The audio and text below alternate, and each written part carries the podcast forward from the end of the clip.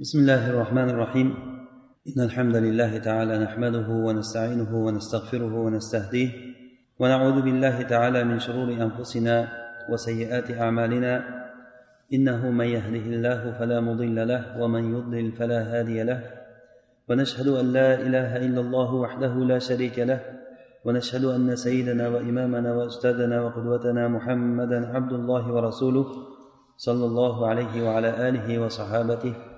ومن اهتدى بهذه الى يوم الدين وسلم اللهم تسليما كثيرا وبعد السلام عليكم ورحمه الله وبركاته biz alloh subhanahu va taolodan madad so'rab muhammad surasini tafsir qilishlikda davom etamiz bu suradan ba'zi bir o'zimizga kerakli bo'lgan hidoyatni allohdan madad so'rab qur'ondan biz o'zimizga yo'l olishlik bizni musulmonlarni yo'li nima bo'ladi Bu sura boshidan boshlab musulmonlarni va kofirlarni yo'lini bayon qilishlik bilan boshlaydi.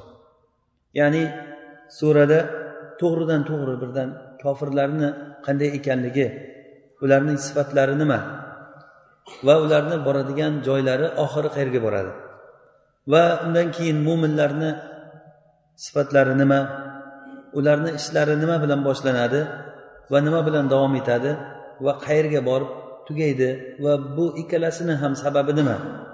Nima sababdan kofirlar ollohni rahmatidan mahrum bo'ldilar? Nima sababdan mo'minlar tagidan anhorlar oqadigan jannatga kirishlikka loyiq bo'ldilar?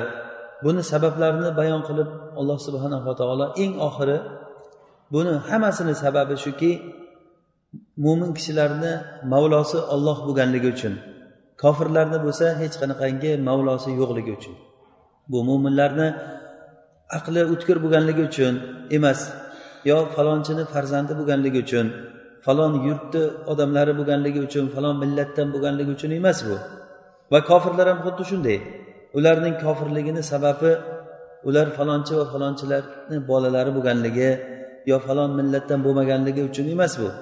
Buni hammasini sababi olloh subhanahu va taolo mo'minlarni mavlosi va kofirlar bo'lsa ularni mavlosi yo'qligi sababidandir alloh subhanahu va taolo bu surada aytadiki أفمن كان على بينة من ربه كمن زين له سوء عمله واتبعوا أهواءهم ya'ni olloh subhanahu va taolo tarafidan ular hujjat ustida bo'lgan kishilar bayyinot ustida bo'lgan kishilar ularni amallari ziynatli ko'rsatilinib havoyi nafsga ergashgan odamlardek bo'ladimi?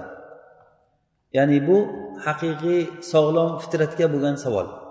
Alloh subhanava taolo o'zini kitobida mana shunaqangi javobi aniq bo'lgan savollarni odamlarga eslatishlik uchun savol beradi. Masalan hal jazaul ihsani illal ihsan yaxshilikni jazosi yaxshilik emasmi? Buni ham shar'an ham sog'lom aql egalari bu narsaga javob beradi. Kimki agar sizga bir yaxshilik qilsa albatta o'sha yaxshilikni javobi yaxshilik bo'lishlik kerak. Xuddiki hudaybiya sulhida buni biz oldin ham aytib aytgandik. Budayl ibn varqo degan kishi kofirlar tarafidan gaplashishlik uchun rasulullohni oldilariga keladi. O'shanda u rasulullohga aytadiki ey muhammad seni atrofingda men bari qalang'i qasang'i odamlarni ko'ryapman. Sen o'zimizni ichimizdan chiqqan o'zimizni farzandimiz eding jiyanimiz eding. Endi o'zimizga xilof qilib turib boshqa yurtga bordingdan keyin u yerda bari bo'lmag'ur odamlarni atrofingga yig'ib olib turib bizga qarshi urushgani kelding. Agar sen o'ldirayotgan bo'lsang o'zingni qarindoshlaringni o'ldirasan. Lekin men unaqangi deb o'ylamayman. Hech qachon seni kuching ham yetmaydi. Chunki seni atrofingda turgan odamlar hammasi qalang qasang'i odamlar. Ular hammasi seni atrofingdan qochib ketadi. Ertaga ketib qolib yolg'iz o'zing qolib ketishligingdan ehtiyot bo'lgin dedi. Shunda bu gapini eshitib abu bakr roziyallohu anhu juda qattiq bir xunuk so'kishlik bilan so'kkan shunda. Budayl ibn varqon. Ya'ni umsus badrollat degan. Lat bu ularni ibodat qilib yurgan xudolari bo'lgan olihalaridan bo'lgan. O'sha olihasini ayol holatda aytib o'sha ayol ayolini o'sha avrat joyi bilan so'kkan ya'ni. Juda xunuk so'kish hisoblangan ham yana olihasini ham yana uni avrat joyini aytib qattiq so'kishlik bilan so'kkanda budayl ibn varqo abu bakrga qarab turib bu kim bu? degan rasulullohga. Shunda rasululloh aytdilarki bu abu bakr bo'ladi. Abu qahofani o'g'li bo'ladi bu. Deganda ha seni menga ko'p yaxshiliklaring bor. Agar shu yaxshiliklaring bo'lmaganda edi hozir men senga javob berardim degan. Ya'ni o'sha kofir bo'lib turib ham abu bakrni qilgan yaxshiliklari uchun o'sha yerda abu bakrga bir javob berishlikka jur'at qilolmagan va ba'zi rivoyatlarda keladiki shunda budayl ibn varqo aytgan ekanki hozirgi so'kishliging bilan menga qilgan shuncha paytgacha qilgan yaxshiliging biru bir bo'ldi degan. Bu so'kishliging judayam o'tib ketdi menga degan. Endi bundan keyin meni ustimda seni bir fazling yo'q o'rtamiz ochiq degan. O'rtamiz ochiq deb aytgan. Ya'ni o'sha kofir bo'la turib ham yaxshilikni jazosi yaxshilik ekanligini o'sha haqiqiy salomat fitrat odam egalari bu narsani biladi. Qur'onda mana shunday bir savollar bilan alloh taolo odamlarni hidoyatga chaqiradiki uni javobini odamlar o'zlari biladi. Masalan qul hal ya'lamuna la ya'lamun? Biladigan kishilar bilan bilmaydigan kishilar hech barobar bo'ladimi? Buni javobi har bir eshitgan odam biladigan javob bu. Hech qachon ilmli kishilar bilan ilmsiz kishilar bir xil bo'lmaydi. Hal yastavil ama val basir am hal tastavi zulumat va nur ko'zi ochiq kishi bilan ko'zi ko'r kishi barobar bo'ladimi? Ya'ni bu barobarligi yo'lda yurishda. Yo'lda yurishda bir yugurishda masalan musobaqaga qo'yib qo'yilsa ko'zi ojiz kishi bilan ko'zi ko'radigan kishini bitta safga qo'yib qo'yilsa musobaqa uchun bu hech qanday tenglik emas bu. Yoki zulmat bilan nur bir xil bo'ladimi? Qorong'ulik boshqa narsa yorug'lik boshqa narsa. Buni javobini aytish kerak emas o'zi buni aqlliman degan odam hammasi buni javobini yaxshi biladi buni. Alloh subhanava taolo ilm o'rganishlikka bizga vositalarni berdi. Ya'ni bu vosita quloq va ko'z va qalb bo'ladi. Quloq va ko'z va qalb. Mana bu narsalar agarda sidiq bilan bo'lmasa foyda bermaydi alloh taolo qur'onda aytadiki وجعلنا لهم سمعا وابصارا وافئده فما اغنى عنهم سمعهم ولا ابصارهم ولا افئدتهم اذ كانوا يجحلون بايات الله وكانوا به يستهزئون ya'ni biz ularga sizdan oldingi ummatlarga sizlarga bermagan imkoniyatlarni berdik Ya'ni ularni gavdalari ham judayam quvvatli odamlar bo'lgan. Yashash tirikchiliklari judayam oson bo'lgan. Hatto o'sha ot samud qavmi haqida keladiki rivoyatlarda mollari nihoyat darajada bir barakali bo'lgan sutlari juda ko'p bo'lgan. Alloh taolo osmonga va yerga baraka bergan. Juda ham hayotlari bir e, qiyinchiliksiz bo'lgan. Xohlagan joylaridan toshlardan qasrlar yasab qo'yavergan. Biz ularga shunday imkoniyatni berdikki sizlarga bermadik bu imkoniyatni hali. Va ular uchun biz ko'zlar berdik quloqlar berdik va qalblar berdik. Ya'ni ular tentak odam emas edi ular. Aqlsiz majnun odam emas edi. Lekin ular ollohni oyatlarini yolg'onchiga chiqargan paytlarida va ularni masxara qilgan paytlarida ularni mana shu ko'zini o'tkirligi qulog'ini o'tkirligi yoki qalblari ularga foyda bermadi. Mana bu narsa biz uchun hayot manhajini beradiki agarda kimda kim ollohni oyatlariga ishonmasa ollohga iymon keltirmasa bu odamni ko'zi qulog'i qalbi foyda bermaydi. Qaytankiga bu narsalar odamga noto'g'ri bir narsani bildirib tamomiy uni hayotini va dunyosiyu oxiratini halok bo'lib ketishligiga olib keladi bu narsa. Ollohni oyatlariga iymon keltirmasdan uni inkor qilgan paytlarida. Demak birinchi boshlanadigan ish sidiq bilan boshlash kerak. Ya'ni bayinot bilan hujjat bilan alloh subhanahu va taolo har bitta gapni hujjat bilan qabul qilishlikni o'zini sunnati qildi. Masalan kofirlarga xitob qilgan paytda qul hatu burhanakum in kuntum sodiqin. Qani sizlar hujjatlaringni olib kelinglar agar rostgo'y bo'ladigan bo'lsanglar hujjatlaringni olib kelinglar degan. Ular har xil o'zlaricha falsafalar to'qib rasululloh sollallohu alayhi vasallamni yolg'onchiga chiqarishlik uchun har xil falsafalar to'qigan paytlarida alloh taolo ularga qaratib qani sizlar o'zlaringni hujjatlaringni keltiringlar agar sizlar rostgo'y bo'ladigan bo'lsanglar degan. Hujjat yo'q. Eng birinchi o'zi hujjatni topishlikdan oldin shu hujjatga qarab intilishlik ya'ni bu narsani sidiq deyiladi. Kishida sidiq bo'lishlik kerakki men to'g'rilikka ergashaman degan niyat bo'lishi kerak odamda. Alloh taolo qur'onda aytganki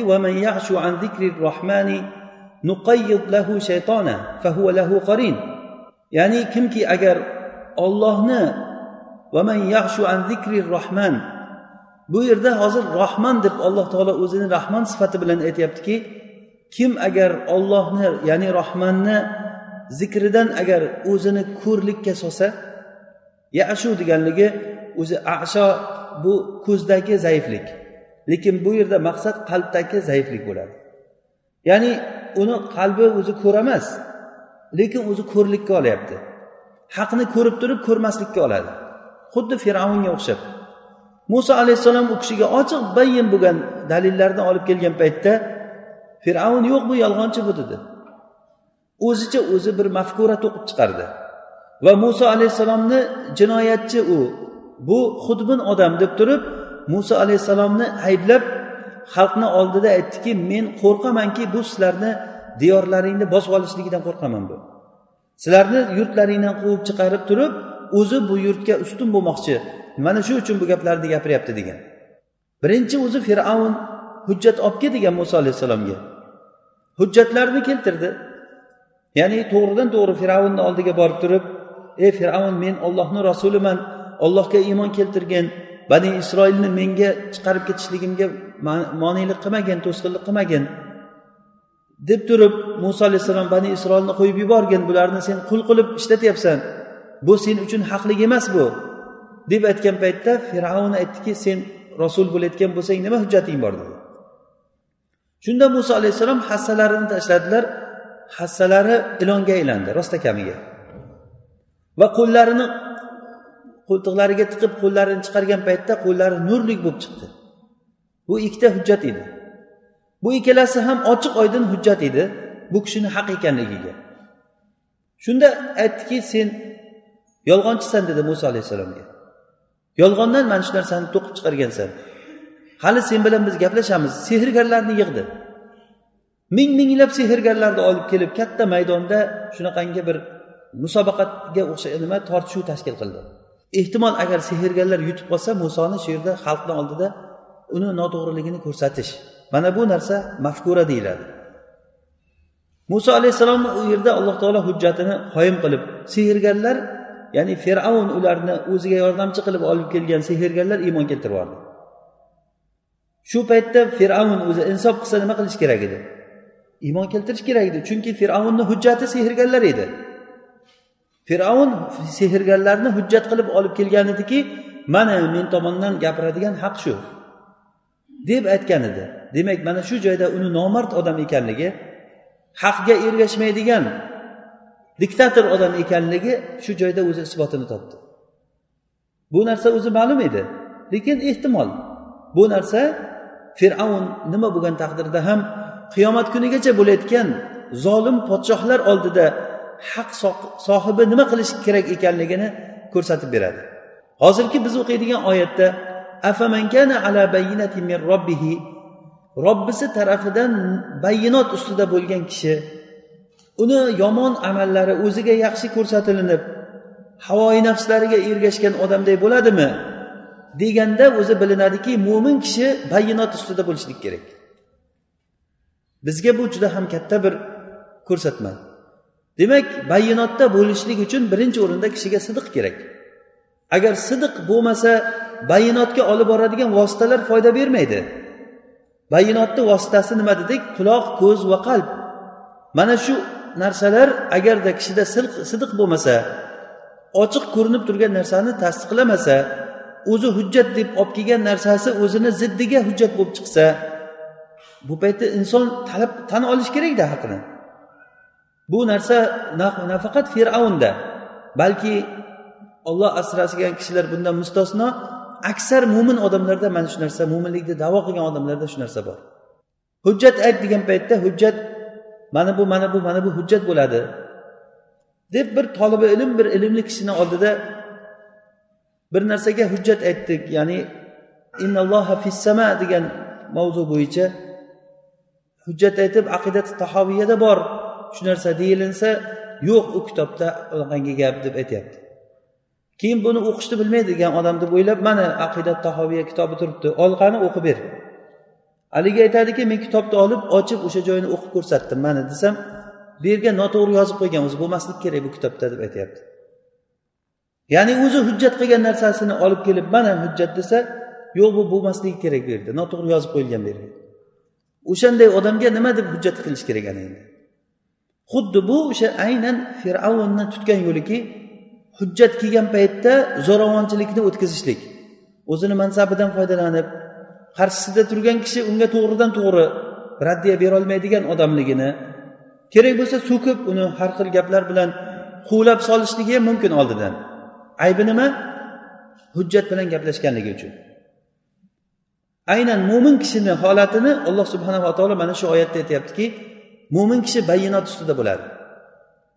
O'zini yuradigan yo'lidan masalan hozir biz hayotdagi o'zimizni o'rnimizdan bayinot ustida bo'lishligimiz kerak. Agar bayinot ustida bo'lmaydigan bo'lsak demak biz juda ham xatar ustida bo'lgan bo'lamiz. Zalolat ustida deyish qiyin. Kimgadir ergashib o'zi bilmagan holatda odam to'g'ri yo'l ustida yurgan bo'lishligi mumkin. Ongli ravishda emas. Lekin vaqt kelgan paytda bu odam o'sha yo'ldan toyib ketishlikka tayyor turibdi degani bu. Shuning uchun ham ba'zi bir kishilardan savol bo'lib qoladiki endi shunday qilib yuraveramizmi endi? Endi shunday yuraveramizmi? Endi nima bo'ladi? Undan buyog'i nima bo'ladi endi? degan savollar bo'ladi. Demak bu savolni bergan kishini holatidan ma'lum bo'ladiki o'zini ishida o'zini yo'lida bayonot ustida emas. Mo'min kishi bayonot ustida bo'lishlik kerak. Bu hujjat bayonotlarni yo'li agar quloq bilan eshitishlik ko'z bilan ko'rishlik va qalb bilan o'ylashlik bo'layotgan bo'lsa bundan ham oldingi qilinayotgan ish sidiq bo'ladi. Agar sidiq bo'lmasa bu narsalar foyda bermaydi. Alloh taolo aytyaptiki rohman kimki ollohni zikridan o'zini ko'rlikka olsa ya'ni ko'r bo'lsa emas ko'rlikka olsa agar kimda kim o'zini ko'rlikka olsa alloh subhanava taolo uni ko'r qilib qo'yar ekan. Alloh taolo qalbni ko'rligidan o'zi asrasin. Haqiqiy ko'rlik bu ko'zni ko'rligi emas biz ko'rlik degan paytda qalbni ko'rligini nazarda tutib aytamiz. Va qur'onni yo'li shu. Qur'onda ham ko'r kishi degan paytda bilingki qalbi ko'r odam nazarda tutiladi.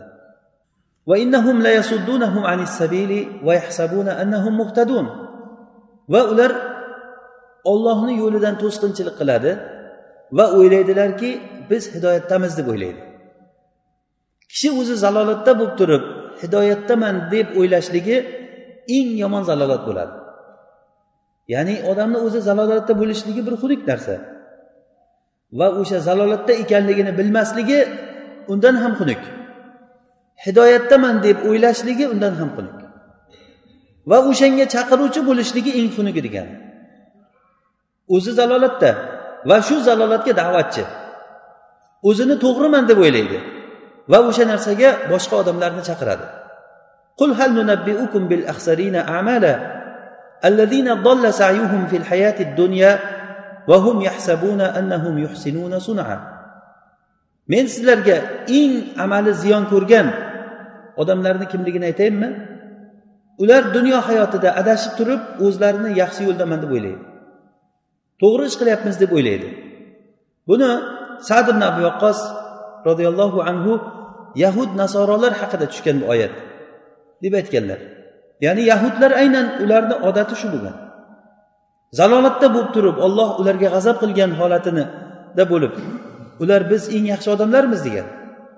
Hattoki yaxshi odam bo'lib ham eng yaxshini yaxshisimiz.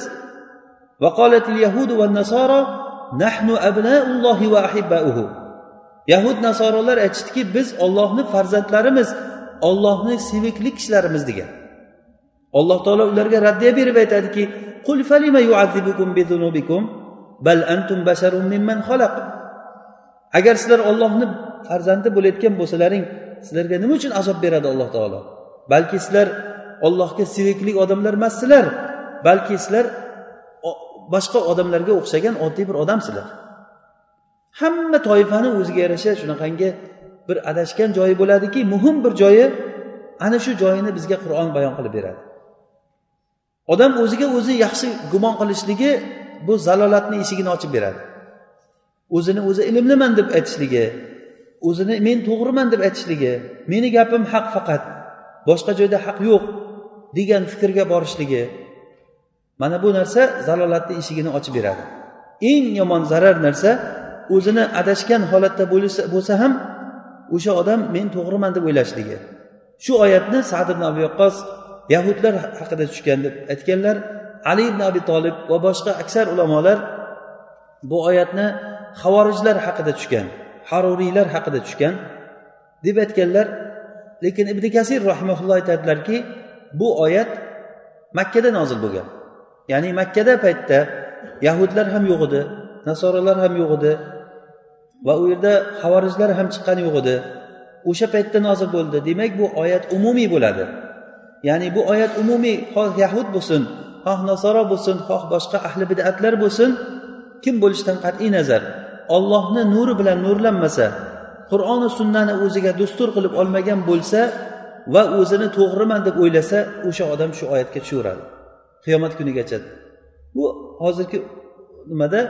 Bizni voqeligimizda bu narsaga adashgan toifalar va bo'lib ham bidatchilar bu narsaga aynan tushadi. Bidatchi kishilar o'zlarini savob ish qilyapmiz deb o'ylaydi. Lekin aslida ular bu qilayotgan ishi bilan hech qanaqangi savob olish emas balki ollohni g'azabiga uchrab turganligini ular bilishmaydi. Demak bizga eng muhim bo'lgan narsa eng birinchi narsa bu o'rinda sidiq kerak. Ya'ni mana shu haqni qabul qilishlikka tayyor bo'lishlik kerak kishi. Ana o'shandan keyin haqni qabul qilishlikka tayyor bo'lgandan keyin keyin bayinot istashlik kerak. Mo'min kishi albatta bayinot ustida bo'lishligi kerak. Agar bayinot ustida bo'lmasa o'zini qilayotgan ishidan hujjat ustida bo'lmasa odam toyib ketishligi muqarrar. O'sha uchun ham ilm eng oliy maqtalgan narsa. Hattoki rasululloh sollallohu alayhi vasallamga ziyodalik so'ralingan faqat shu narsada. Vaqur robbi zidni ilma. Vaqur robbi zidni ilma. Ey robbim meni ilmimni ziyoda qilgin deb aytgin dedi rasululloh sollallohu alayhi vasallamga. Ya'ni faqatgina shuni alloh taolo buyurib aytdiki meni ilmimni ziyoda qilgin deb aytgin. Ilmni qancha ziyoda bo'lsa ham bu narsa ziyon qilmaydi. Lekin ilm deganda biz foyda beradigan ilmni aytamiz. Uni orqasidan amal sobit bo'ladigan ilmda ilm deymiz. Ilm tushunchasini biz to'g'ri tushunib olishligimiz kerak.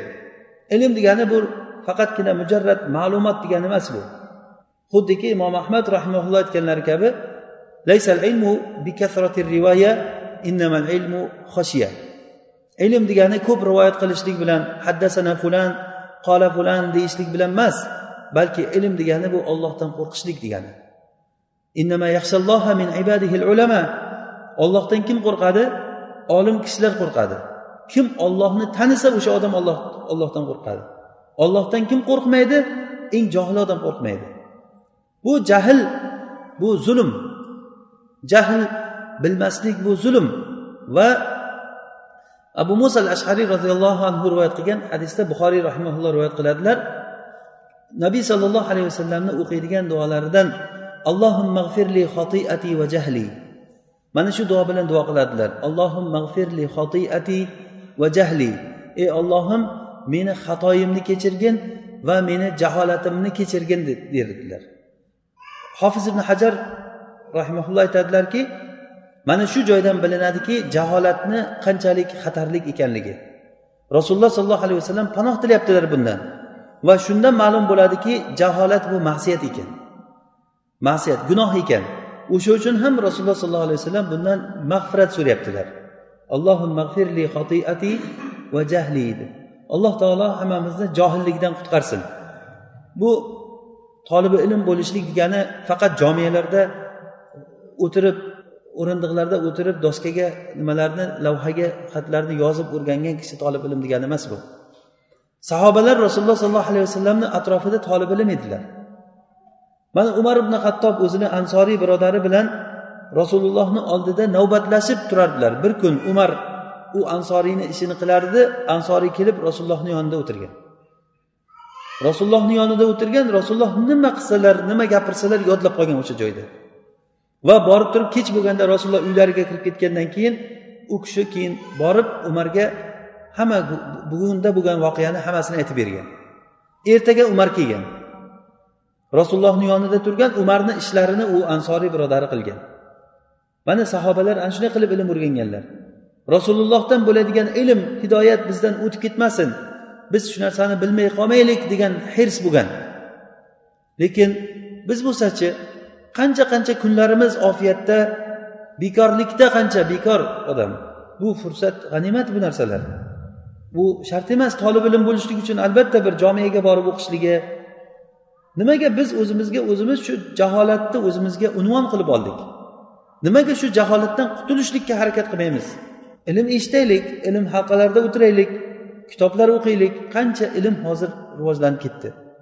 Qancha ilm bor hozir? O'sha narsalardan foydalanib qolishlik kerak.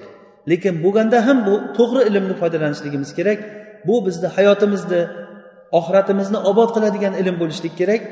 O'sha uchun albatta bu narsani rabboniy bo'lgan olimlarni nazorati bilan o'shalarni tavsiyasi bilan nima o'qishlik kerak nimani o'rganishlik kerak bu narsani bilmasak biz juda ham nihoyatda bir katta zararga o'tiramiz. Bu zarar shunday bir narsaki eng oxiri ollohni zikridan yuz o'girishlikka boradi naozibillah ollohni yuz zikridan yuz yugurish yugurgan odamlarga bo'lsa alloh taolo aytyaptiki man an zikri lahu maishatan donka kim meni zikrimdan agar yuz o'girayotgan bo'lsa unga tang hayot beriladi. Va qiyomat kunida uni ko'r holatda tiriltiramiz degan. Qiyomat kunida uni ko'r holatda tiriltiramiz degan. Yoki alloh taolo aytadiki alam taro anna arsalna shayatina alal kafirina tauzzuhum azza. Mana ko'rmaysizmi biz shaytonlarni kofirlarga ularni yomonlikka undovchi qilib yuborib qo'ydik degan. Ya'ni kofirlarga shaytonlarni olloh taolo yuboryaptiki o'zi kofir o'zi.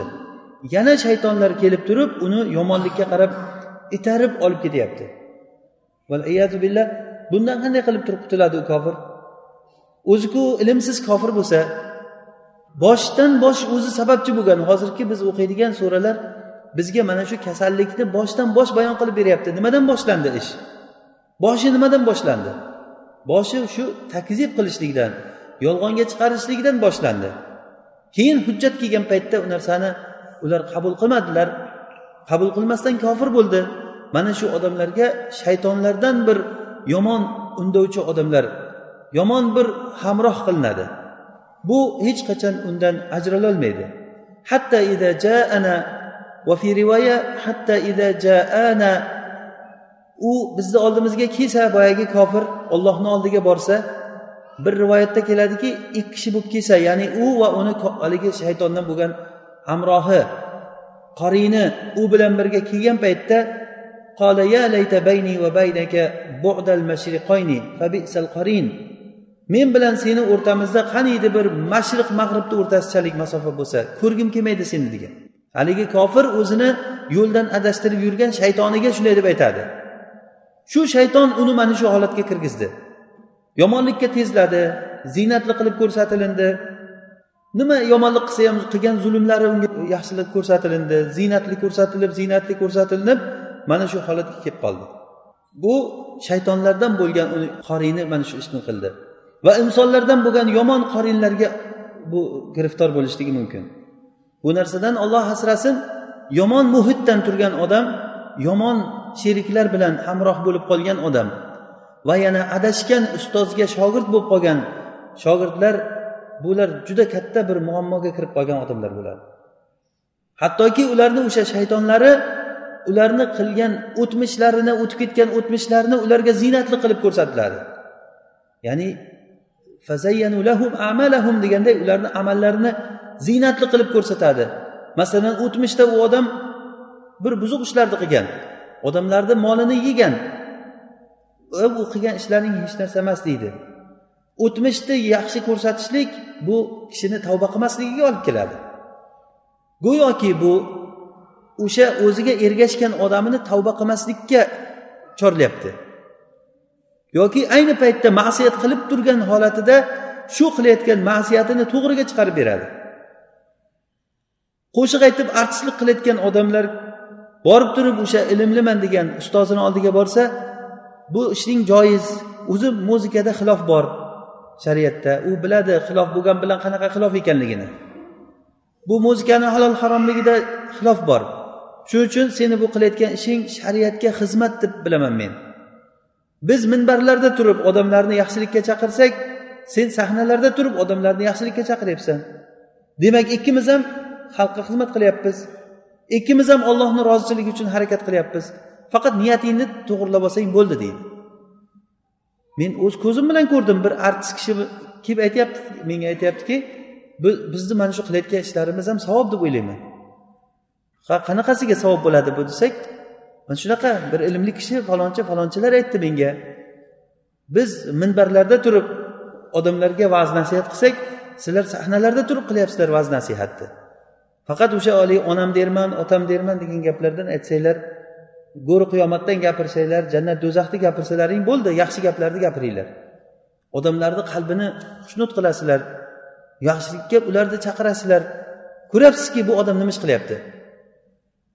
O'sha odam o'zi ich ichidan qilayotgan ishini ma'siyat ekanligidan qutulish uchun borib domlasiga borib turib domla men shu narsadan vijdonim qiynaladi meni desa yo'q vijdoning nimaga qiynaladi? Savob ish qilyapsanku sen. Qaysisi yomonroq holatda endi? unga bu patvo beruvchisimi yoki patvo so'rovchisimi?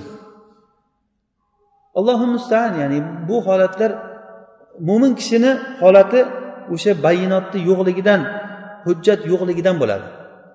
Mana shu narsa bizni yo'limiz. Boshlanishligi shu bilan boshlaydi va oxiri qayerga borib tugaydi. Oyatni davomida alloh subhanava taolo aytadiki masalul jannati allati muttaqun fiha anharun min ma'in g'ayri asin. وأنهار من لبن لم يتغير طعمه وأنهار من خمر لذة للشاربين وأنهار من عسل مصفى ولهم فيها من كل الثمرات ومغفرة من ربهم كمن هو خالد في النار وسقوا ماء حميما فقطع أمعاءهم mo'minlarga va'da qilingan jannatni misoli shunday bir jannat shunday narsaki unda zilol suvlardan bo'lgan anhorlar bor unda umuman aynimagan aynimaydigan sutlar bor. Oppoq sutlar bor. Sutdan bo'lgan anhorlar bor. Va ichuvchilari uchun lazzatli bo'lgan xamirdan bo'lgan anhorlar bor. Va yana musaffo asaldan bo'lgan anhorlar bor. Faraz qiling asal asal anhor bo'lib oqsa sutlar anhor bo'lib oqsa va xamirlar u jannatni xamiri bu dunyodagi xamir emas u. bu dunyodagi xamir faqat azob bu. Ichuvchisiga ham azob ichgan paytda ham ichib bo'lgandan keyin ham qiyomat kuni ham azob bu. Va jannatni xamirlari bo'lsa lazzatin lisharibin ichuvchilar uchun nihoyatda lazzat va musaffo asoldan asaldan bo'lgan anhorlar bor. Va yana buni ustiga qo'shimcha ularga robbilari tarafidan mag'firat bor. Mana shu odamni endi qo'yingki kaman huva xolidun finnar. Xuddi shu odam ya'ni shunday jannatga kirgizilingan odam tagidan anhorlar oqadigan anhorlarni ham sifati mana bunday bo'ladigan kishi do'zaxda mangu qoladigan va issiq suvlar bilan sug'oriladigan va suqumaan hamima ularni ichaklarini mayda mayda qilib tashlaydi haligi ichgan issiqliklari. Agar taom so'ralsa ularga ularga taom so'ralsa taom zaqqum daraxtidan taom yeydilar. U tomoqlariga tiqilib qoladi. Ustidan suv so'rasa jahannam ahlidan siqib olingan o'sha qoni iringlar ularga ichiriladi. Qaynab turgan yog' o'zi yog' ularni ichida ichgan paytda ichida qaynaydigan yog'lar ichiriladi. Kalmuhli yag'li fil butun ularni qorinlarida qaynaydi. O'zi aslida yog' qaynamaydi. Yog' har qancha uni issiqligi oshirilsa ham qaynamaydi. Lekin u xuddiki issiq suv baqillab qaynaganday qaynaydigan yog'lar ichiriladi. Ichib bo'lgandan keyin qornida qaynaydi u yog' ichganda uni ichak chapoqlarini hech narsani qoldirmay o'pirib tushib ketadi. Mana shu sifatlar bilan kelgan bu kofirlarni oxirgi nihoyasi bu kim xohlasa mana bu yo'lga tushsin xohlasa mana bu yo'lga tushsin. Ketyapsiz oldingizdan ikkita yo'l chiqdi. Bitta yo'l yoriq to'g'ri yo'l. Va unga chaqiruvchisi ham bor. Kel mana shu yo'lga yursang boshlanishi mana shu yerdan boshlanadi. Sidiq bilan bu eshikdan kirasan sidiq bilan bu eshikdan chiqasan va oxiri mana shu tagidan anhorlar oqadigan sifati mana bunday bo'lgan jannatga kirasan. Lekin o'rtada senga dushmanlar har tomondan toshlar otadi bu yo'lga kirsang. Sabr qilasan lekin oxiri mana shu joyga borasan. Mana bu mo'minlarni yo'li bu. Va ikkinchi yo'l qop qorong'i yo'l. Qop uni ham chaqiruvchilari bor. Eshigida turib turib kel bu yoqqa kirgin mana bu joyga deb o'sha odamga ziynatli qilib ko'rsatyapti. Lekin ollohni bir qadari bilan hayron qolarli joyi shuki shu jannat yo'liga tushgan odam qanchayu do'zax yo'liga yurib ketgan odamlar qancha. Uni azob ekanligini bilib turib boshlanishligi azob bilan boshlanadi. O'rtasi azob bilan davom etadi. Oxiri azob bilan dunyodan chiqadi va oxiratda umuman to'xtamaydigan tugamaydigan azob bo'ladi. Ochiq oydin bayon qilingan. Agar bu narsaga agar odamlarni ko'zi hozir voqedagi odamlarga ko'rmaydigan bo'lsa o'tmishdagi odamlardan nimaga ibrat olmaydi? Agar tarixni sanasin mingta zolimni olib kelsin mingta zolimni oqibati nima bilan tugagan ekanligini zolim kishi ko'rsin. Zulm yo'li bilan xalqni bir necha yil qonini ichib keladigan zolim hokimlar. O'sha hozirgi holatda turgan holatda qanday o'zini o'zi oqlaydi? Nima uchun oqlaydi o'zini o'zi? Men erta oqibatim nima bo'ladi degan narsa nima uchun uni xayoliga kelmaydi? Uni atrofida shaytonlari bor. Birinchidan o'zi shu narsani xohladi va bu yo'lda ancha davom etdi. Atrofida shaytonlar in qurib olgan. O'sha shaytonlari unga sen yaxshi ish qilyapsan sen to'g'ri ish qilyapsan deb turib ma'qullatib ma'qullatib u odam ko'zi ko'r bo'lib qoldi. Qur'on ay aynan mana shu odamni bayon qilib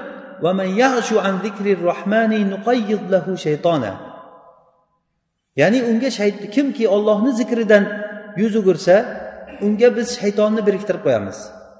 Shayton keyin unga doim yomonlikni vahiy qilib seni qilayotgan ishing to'g'ri qilayotgan ishing to'g'ri.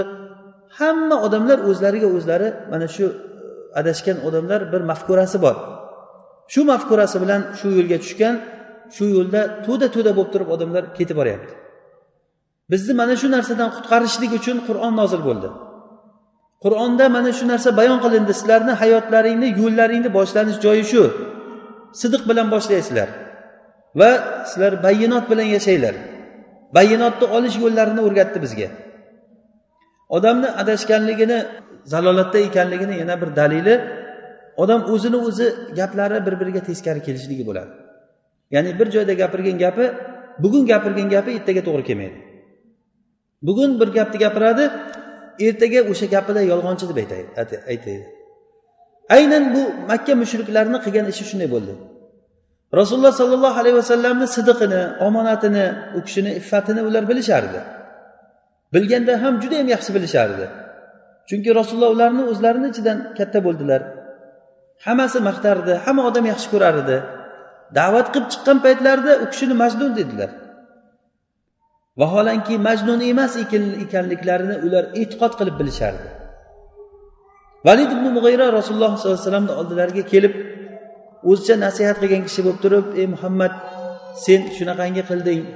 Bizni qavmimizni u qilding bu qilding o'rtani buzding ota bolani o'rtasini ajratding er xotinni o'rtasini ajratding.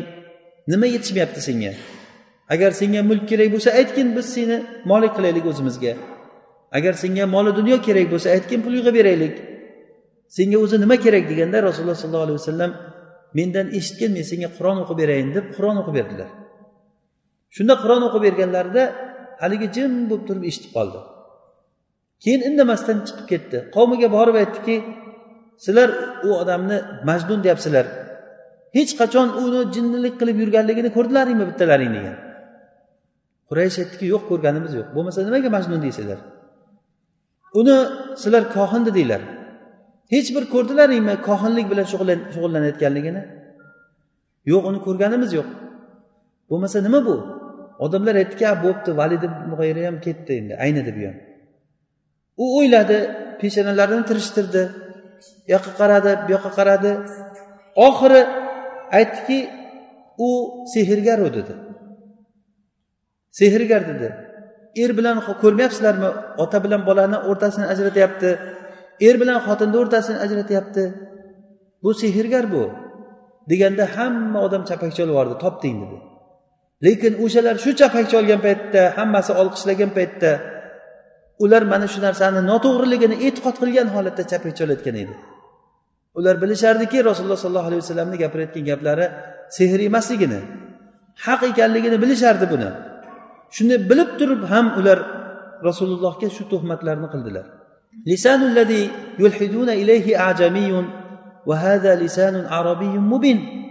Mana boshqa oyatda ular kofirlar rasulullohga bu o'rgatilayotgan narsani ajamiy bir odamdan o'rganyapti buni. Shundan o'rganib gapiryapti deb tuhmat qilishdi.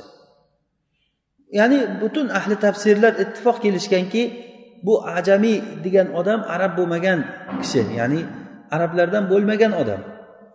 Ba'zilar aytganki u habbob ibn aradni aytgan u kishi temirchi bo'lgan. Ba'zilar aytgan rumlik bir nasroniy bir usta bo'lgan yigit u makkaga kelib turib odamlarga qilich yasab berib turib tirikchilik qilar edi rasululloh sollallohu alayhi vasallam uni oldiga ko'p borardilar da'vat qilardilar uni. Uni da'vat qilishlik uchun borganliklarini ko'rib endi gap topildiki bu muhammad aytayotgan gapini o'shani temirchidan eshitib kelar ekan. Topgan gapini qarang bor sen temirchi bilan gaplashgani nimani biladi u? Birinchidan u ajamiy bo'lsa ilayhi ajamiy ular rasulullohga tuhmat qilayotgan rasulullohga gap o'rgatadi deb o'rgatyapti deb aytadigan odamlarni tili ajamiy til bu. Mubin. Bu bo'lsa ochiqdan ochiq juda ham vozih bo'lgan arab tili bo'lsa shu narsani e'tiqod qilib turib ham noto'g'riligini bilib turib ham odamlar shu narsani gapirdi. Bu xuddi ayni yahudlarni qilayotgan qilgan ishlari. Biz eng to'g'ri odamlarmiz biz ollohni suygan bandalarimiz bizni olloh yaxshi ko'radi deb aytgan gaplarida ularda bir hujjat bormidi mushriklar olloh subhanava taoloni farishtalarini ollohga qizlar bo'ladi deb aytishdi وجعلوا الملائكة الذين هم عباد الرحمن إناثا أشهدوا خلقهم ستكتب شهادتهم ويسألون Ular ollohni bandalari bo'lgan farishtalarni qizlar deyishdi. Ya'ni ollohni qizlari bo'ladi ular degan. Ular farishtalarni qiz bo'lib yaratilinganligini ko'rganmi? Ko'rmagan bo'lsa qayerdan gapiryapti bular? Ularni bu gapirgan gaplari shahodatlari yozib qo'yilinadi va qiyomat kunida so'ralinadi. Bu bekordan bekorga ketmaydi. Bu narsa biz uchun katta bir xabarki bilingki sizni og'zingizdan chiqadigan gap e'tiborsiz gap emas kim bo'lishligingizdan qat'iy nazar. Har kim har narsa deb yotibdi hozir. Har kim har narsa deydi. Alloh subhanahu va taolo bizga qur'on nozil qildi payg'ambar yubordi yo'lni bayon qildi. Boshlanishi mana shu shu bilan davom etadi. Oxiri shu undan keyin o'lgandan keyin hayot mana shu. Bayon qilib bayinot ustida bo'lishimiz kerak bo'lgan odamlar nima uchun fikrlarni endi biz musulmon emas odamlardan fikr olamiz? Nima uchun insonlarni fikri bilan biz yashashligimiz kerak? Bo'lib ham insonlarni eng iflos eng bo'lmag'ir razil odamlarni fikri bilan biz o'shalarni tuzgan tuzumlari bilan hayot uchun ular bizga adolat o'rgatadimi? Ular qanday qilib turib mehr oqibat qilishligimizni biz ulardan o'rganamizmi? Nima uchun musulmon bo'la turib biz o'zimizni qadr qiymatimizni o'zimizni asoslarimizni aqidamizni biz boshqalardan o'rganishligimiz kerak. Musulmonlarni jomiyalariga borib turib biz sizlar bilan fikr almashgani keldik deb kirib ularga o'qish manhajlarini qo'yishlikka majbur qilib va shu narsaga erishdi. Bir qancha misrdagi ulamoman degan kishilarni fransiyaga olib ketib o'sha yerda o'qitgan ular. U fransiyada nima o'qiysan? Fransiyada o'qilayotgan narsa bormi? Olim islom olimi fransiyaga borib turib u yerdagi saqofani o'sha joydagi ilm manhajlarini o'rganib kelib turib doktor magister bakalavr yana bir narsalar degan shuni o'qishlarimizga mana shu unvonlarni qo'yishliklari bu nima degan gap bu? Islomda ustoz shayx olim degan mansablar bor edi. Doktor degan narsa professor degan narsalar yo'q edi. Ho'p mayli istilohda bir tortishuvimiz yo'q. Mayli doktor deng. Shayx demangda doktor deng ustozi doktor deng professor deng masalan. U bilan mayli istilohda hech narsa bir tortishuvimiz bo'lmasin deylik. Lekin shu bilan birgalikda bu doktor degan narsalar boshqalar bu hayot manhajini o'z uz o'zidan kirgizib keldi bizga. Musulmonlardagi eng ilm tarqatishlik ularga hidoyat tarqatadigan jomiyalarga juda katta bir zarbalar bilan ular katta zaharli o'qlarini otishdi. Va o'sha otgan o'qlari aynan nishonga borib tegdi olloh istisno qilgan odamlar bundan mustasno. Bunga ham pul bilan ham katta kuch bilan bu narsaga orqasidan ular madad berib turdi. Buni orqasida o'sha zaharni yegan olimlar chiqib turib odamlarga da'vat qilishlikni boshladi. Hozirgi kunda bu samarasini berdi. Ularni qo'ygan tuxumlari bugun ochib chiqdi. Hamma narsaga fatvo berishyapti. Riboni yeyishlikka fatvo bor aroq ichishlikka fatvo bor faqat aroq deb ichmaslik kerak. Uni ruhiy bir xursandchilik qiluvchi narsa deb ichinglar deyapti buni bir oddiy odam gapirganda ham mayli edi muassasada turib gapirgan odamlar. Nima deyish kerak endi bu narsalarga? Kim himoya qiladi bu narsani endi? Musulmonlar hammasi uxlab yotgan haligi sifatlangan qo'yonga o'xshaydi.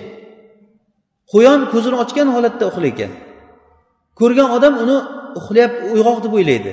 Lekin mohir ovchi bo'layotgan bo'lsa uni uxlayotgan bilan uyg'og'ini holatini bilar ekan. Ko'zi ochiq bo'lsa ham uxlayotganligini bilib shunday bemalol olib turib ushlab oladi.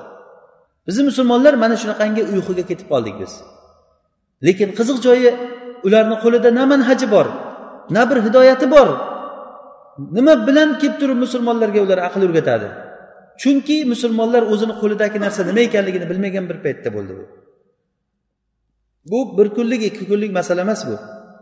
Bir necha yillar davomida bu narsa kurash bo'lib kelgan. Mana shu narsalarni oqibatida hozir musulmonlar mana shu holatga tushdi. Bu holatdan chiqib ketishlik uchun yagona va yagona yo'l musulmon kishi bayinot ustida bo'lishligi kerak o'zini kim ekanligini bilish kerak musulmon odam. O'zini qadr qiymatini bilishligi kerak. boshlanish yo'lim mana shu joydan boshlanadi hayotim mana shu mamotim mana shu narsani bilishligimiz kerak biz bo'lmasa bu noto'g'ri mafkura har xil yolg'on gaplar bu narsa hamma toifalarda bor hamma toifa o'zini yaxshiman deb o'ylaydi alloh subhanava taolo bunaqangi yolg'on da'volarni amaniy deb aytgan وقالوا لن يدخل الجنة إلا من كان هودا أو نصارى tilka amaniyuhum qul hatu burhanakum in kuntum sodiqin. Ular aytishdiki jannatga faqat yahud nasoro bo'lgan odamgina kiradi deyishdi. Bu na hujjati bor na dalili bor buni. Qul hatu burhanakum ho'p shunday ekan qani hujjatlaringni keltiringlar deng. Qul hatu burhanakum in kuntum sodiqin. Agar sizlar rost gapirayotgan bo'lsalaring hujjatlaringni olib kelinglar. Yo'q bu hujjat yo'q va bo'lishligi mumkin ham emas. Mana shu ularni hujjatsiz gapirishligi odamlar ichida nima uchun rivoj topdi? Dalilsiz har qanaqangi gaplar. Hattoki shu darajagacha borib qolindiki rasululloh sollallohu alayhi vasallamni hozir mana masxara qilishliklari va bu masxara qilishlik o'z uz o'zidan kelib chiqqan yo'q. Bundan ham batarlari bo'lib o'tgan oldindan ham. Ya'ni rasulullohga ochiqdan ochiq tuhmatlar yolg'onchi deyishliklar hamma o'lgan odamni shahid deyishlik. O'sha fransiyada bo'lgan nimadagi o'lka o'lgan jurnalistlarni misrdagi nimalar shahid deyapti. Akidhum shuhada deydi. Men e, e, bir e, iso ibrohim degan jurnalisti bor o'sha televizorda gapiryapti. Bila shak deydi. Hech qanday shak shubha yo'q. Ular shahid ular deyapti. Misrda bir futbol tomoshabinlari o'rtasida janjal chiqib odamlar o'ldi. Jazoirni nima futbol nimalari bilan ishqibozlari bilan misrnikilar bir biri bilan urushib o'shanda odamlar o'ldi. Shu o'lgan odamlarni shuhada ukrotul qadam deb chiqdi. Ya'ni to'p o'yinlarini shahidlari deb. O'zi bu gapi bilan agar o'sha odamlarni shahid deydigan bo'lsak agar rasululloh sollallohu alayhi vasallam man qotala litakuna kalimatullohi hiyal ulya fahuva fi sabilillah kim ollohni kalomi oliy bo'lishligi uchun urushsa ana o'sha odam olloh yo'lida bu degan gaplariga yolg'onchi degan bo'ladida rasulullohni bu. Yoki shahidlikni eng past martabalari qorni og'ri bo'lgan odam shahid va o'lat kasali bilan vabo bilan kasallanib o'lgan odam shahid g'arq bo'lib o'lgan odam shahid yoki bir uy bosib vayronani tagida qolib o'lgan odam shahid bular oxiratni shahidlari ya'ni shahidlikni savobi beriladi degan shahidlar ibn hajar rahimaulloh bu shahidlarni sanaganlar sonlarini. Lekin ularni ichida futbol ishqibozlari yo'q. Hech kim sanamagan buni.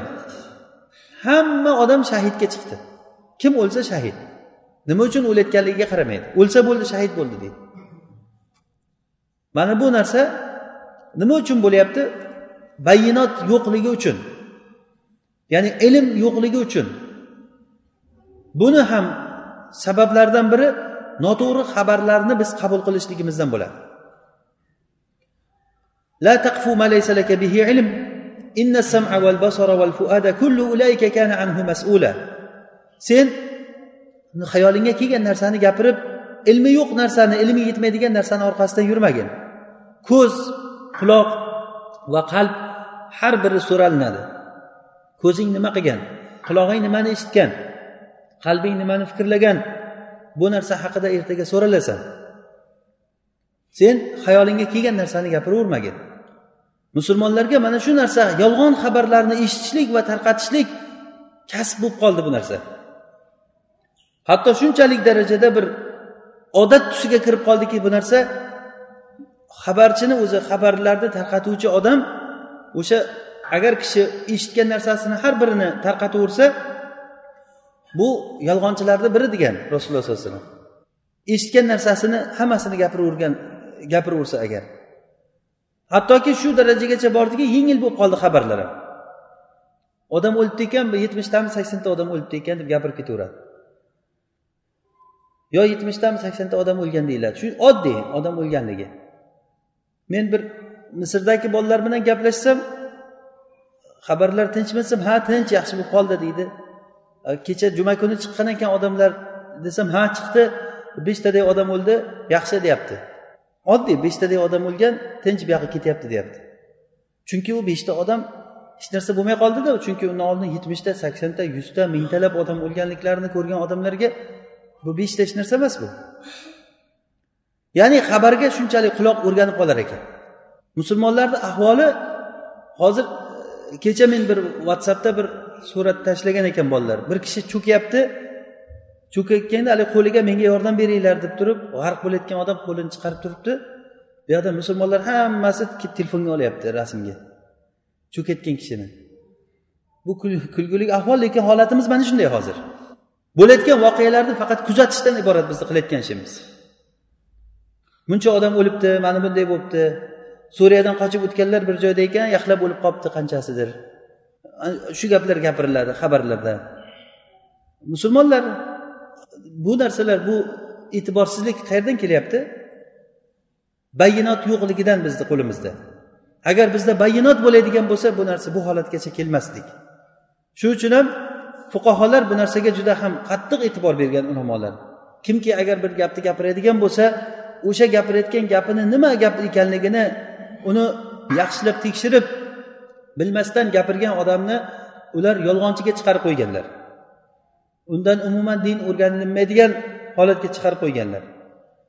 E mana shundan keyin mushtahid kishilarga olim kishilarga vojib bo'ladiki ular ishtihod bilan agar bir narsani gapirayotgan bo'lsa qur'oni sunnadan dalil bo'lmagan holatda ishtihod bilan gapirsalar va keyin o'zini ishtihod qilgan narsasini xatoligi agar bayon bo'lib qolsa shu narsadan qaytishligi kerak bo'ladi olim kishida agar insof bo'lsa.